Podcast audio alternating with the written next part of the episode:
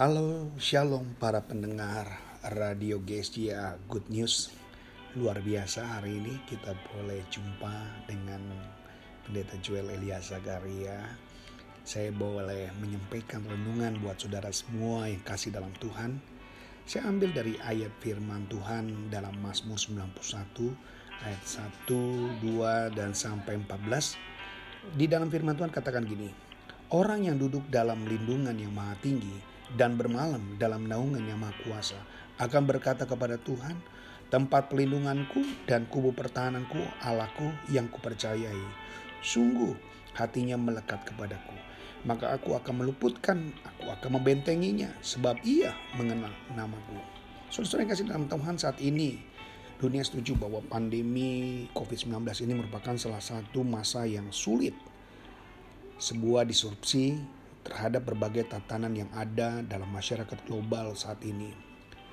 Kita melihat sering kali orang kehilangan damai sejahtera, semua sedang ada dalam kesesakan, distres, skala psikolog, sosiologi, ekonomi, politik, rohanian, pendidikan, keluarga, dan banyak hal-hal lain yang mungkin hari ini terjadi.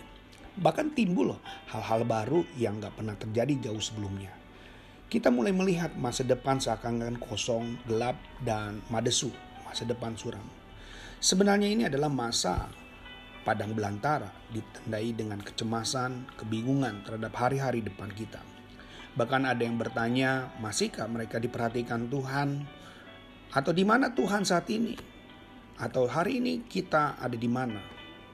Posisi kita tetap ada dalam perjalanan rohani bersama dengan Tuhan. Saudara harus uh, menyatakan secara pribadi bahwa Tuhan tidak pernah meninggalkan. Kalau hatimu sudah tidak ada di dalam Dia, hatimu sudah menjauh dengan Dia, maka rasanya itu akan lebih hampa, saudara. Padang belantara ini, kalau saudara lihat dalam Alkitab, menggambarkan tempat sebuah ujian, persiapan dan transisi. Sama kalau saudara lihat ketika bangsa Israel keluar dari Mesir, mereka ingin bebas, mereka keluar, tapi pada waktu mereka keluar, ingin kebebasan mereka, mereka ketemu barang tentara. Banyak mereka yang akhirnya tidak setuju, mereka ingin kembali, mereka ingin anggap ini adalah satu pembunuhan besar-besaran oleh Musa. Ternyata sudah lihat di situ. Ya, persiapan masa transisi ataupun ujian adalah tempat di mana kita sebagai umat-umat Allah ditantang untuk percaya. Mentaati Allah bukan hanya secara intelektual tapi menjadi keyakinan kehidupan kita untuk selanjutnya. Walau hari ini kita mungkin nggak bisa, tapi kita akan menelurkan ah, keturunan-keturunan kita, bahkan tindakan kita bisa menjadi teladan. Nah, saudara-saudara perhatikan di sini baik-baik. Ya, kalau saya boleh sampaikan bahwa kita harus ada di dalam masa-masa seperti ini supaya kita dilatih, saudara, supaya kita naik level iman percaya kita. Ya, kita punya masa-masa untuk meletakkan keyakinan kita kepada Allah secara pribadi dan ingin melihat pernyataan Allah benar nggak terjadi dalam diri kita. Sesungguhnya sudah tahu bahwa masa-masa itu akan membawa saudara dalam tanah perjanjian yang Tuhan sudah janjikan.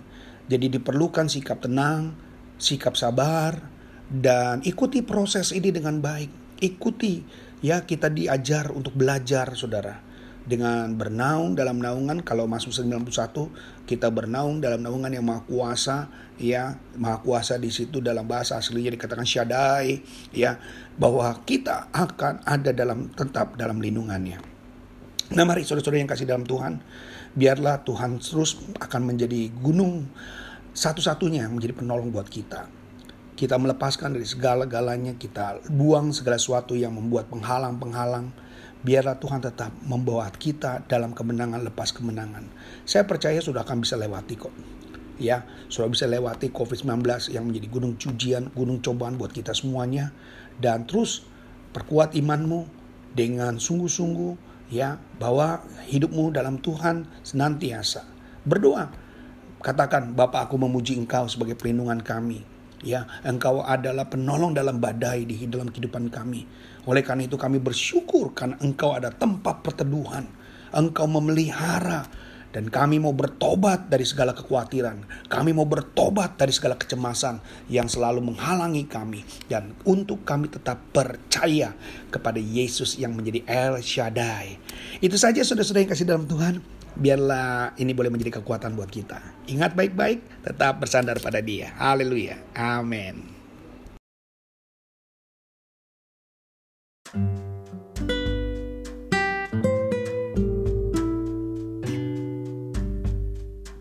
Para pendengar Radio GSCA Good News, luar biasa berjumpa lagi dengan saya. Nah, saudara-saudara pada pagi hari ini ada beberapa hal yang sering kali terjadi dalam kehidupan kita, pengaruh-pengaruhnya juga luar biasa. Tapi satu hal yang hari ini saya boleh sampaikan bisa menjadi satu catatan penting buat kita, yaitu tentang khawatir. Banyak orang sering kali mengalami kekhawatiran, banyak ya. Kadang kekhawatiran yang tidak menjawab itu akan menjadi polemik yang berkepanjangan.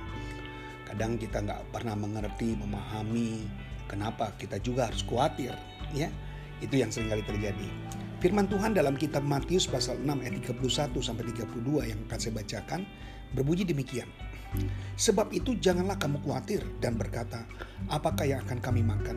Apakah yang akan kami minum? Apakah yang akan kami pakai? Semua itu dicari bangsa-bangsa yang tidak mengenal Allah. Akan tetapi Bapamu yang di surga tahu bahwa kamu memerlukan semuanya itu. Kita garis bawahi, kekhawatiran atau kecemasan itu ibarat kita duduk di kursi goyang kita sibuk kelihatannya bergoyang, tapi nggak bawa kita ke mana-mana. Kekhawatiran itu berkelebihan, bisa menyandra kehidupan kita, bahkan bisa menjadi insomnia, membelenggu kita. Jadi pikiran kita terkunci, hanya ada itu saja. Seolah-olah kita nggak pernah bisa berdiri, kita nggak bisa melangkah, yang membuat kita tidak mau bangkit dari tempat tidur kita adalah keinginan iblis. Iblis selalu membawa masalah pencobaan yang sering kali terjadi. Seperti pandemi COVID-19 ya kita lihat makin hari bukan sedikit dan berakhir tetapi makin banyak dikhawatirkan adalah membuat kita lupa dengan tuntutan Tuhan yaitu tetap melakukan pekerjaan dia, mengabarkan Injil, memberitakan firman Tuhan. Ini yang menjadi tugas utama kita. Kenapa? Karena telah disibukkan dengan masalah duniawi. Masalah duniawi ini mengunci kita. Masalah duniawi ini membuat kita kehilangan akal sehat kita. Kekhawatiran dan kecemasan dalam konsep Alkitab. Seperti seorang yang sedang tercekik atau terjerat. Kita susah bernapas, kita tersandera, Bahkan dalam Matius 6 ayat 25 kalau sudah perhatikan Yesus pernah berkata jangan khawatir. Ya berhenti kamu khawatir. Ini adalah perintah supaya kita jangan sampai berbuat dosa. Karena khawatir yang berkelebihan itu membuat kita berdosa. Bapak Ibu yang kasih dalam Tuhan saudara-saudara yang menjadi pendengar-pendengar yang luar biasa. Kalau kita terus-menerus khawatir maka kita akan lihat semua beban yang masalah kita. Kita nggak akan pernah melihat Tuhan yang luar biasa Lalu pertanyaan tadi, mengapa kita khawatir? Saudara kalau lihat di dalam ayat 25-30 tadi yang sudah kita baca, Yesus menyuruh kita belajar dari burung di udara, dari bunga bakung, di mana pagi hari burung itu berkicau, ya mereka mencari makan dan Bapa di surga menyediakannya. Burung tidak punya rekening bank, burung tidak punya asuransi, burung tidak punya deposito, burung pun tidak punya dana pensiun. Tapi pernahkah kita lihat burung itu sakit mah sehingga dia tidak makan lalu mati? Tidak. Saat mereka berusaha dan bukan hanya malas untuk mengada ke surga, berharap Bapak jatuhkan ulat ataupun makanan dari benih. Tidak. Bapak di surga menetapkan saat-saat yang kita pasti akan mendapatkannya. Gak perlu khawatir, gak perlu berketakutan yang berkelebihan. Kalau kita masih bisa lihat pagi matahari, kita bilang Tuhan thank you, puji Tuhan. Waktu kita bisa bangun pagi, puji Tuhan, terima kasih. Kenapa sih? Lebih mudah kita mengucap syukur daripada kita bersungut-sungut. Lebih mudah kita berterima kasih kepada Bapa daripada kita ber apa berasumsi yang buruk-buruk tentang Dia. Hari burung yang tidak memiliki nilai saja kekekalan, dia bisa dipelihara, jadi jangan khawatir dengan saudara dan saya. Kita lebih indah dari segala-galanya, bunga bakung termasuk. Ya, dia pasti menyediakan semua yang dibutuhkan. Dia pasti menyediakan apa yang menjadi kebutuhan tubuh jasmanimu. Jadi masalah akar permasalahan hari ini adalah berapa besar engkau mengenal dia sebagai Bapa kita. Berapa besar engkau mengenal dia sebagai Tuhanmu, sebagai juru selamatmu. Kalau engkau menganggap Tuhan itu biasa, maka semua yang kau masalahkan hari ini menjadi begitu besar.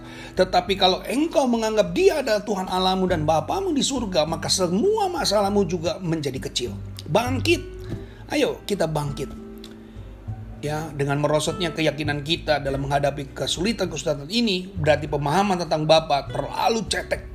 Mari kalau engkau nggak mau dibilang pengalamanmu dengan Tuhan terlalu cetek, bangkit. Lawan semua kekhawatiranmu dengan hanya mengandalkan Tuhan. Kalau kita menjadikan Allah bukan hanya dalam perkataan waktu kita sedang dalam keadaan suka, tapi waktu kita dalam keadaan duka, lewat perbuatan juga pun kita bisa meninggikan dengan nama Tuhan, meninggikan nama Kristus. Mari kekhawatiran-kekhawatiran kita kita putuskan untuk kita hentikan ya supaya kita lihat saya belajar selama sebulan, dua bulan, tiga bulan, ya hampir tujuh bulan kita menghadapi saya cuma bilang Tuhan, terima kasih buat semua. Hanya ucapan syukur. Berapa lama kalau kita seru, terus berkekhawatiran, maka kekhawatiran itu akan mengendalikan pikiran kita.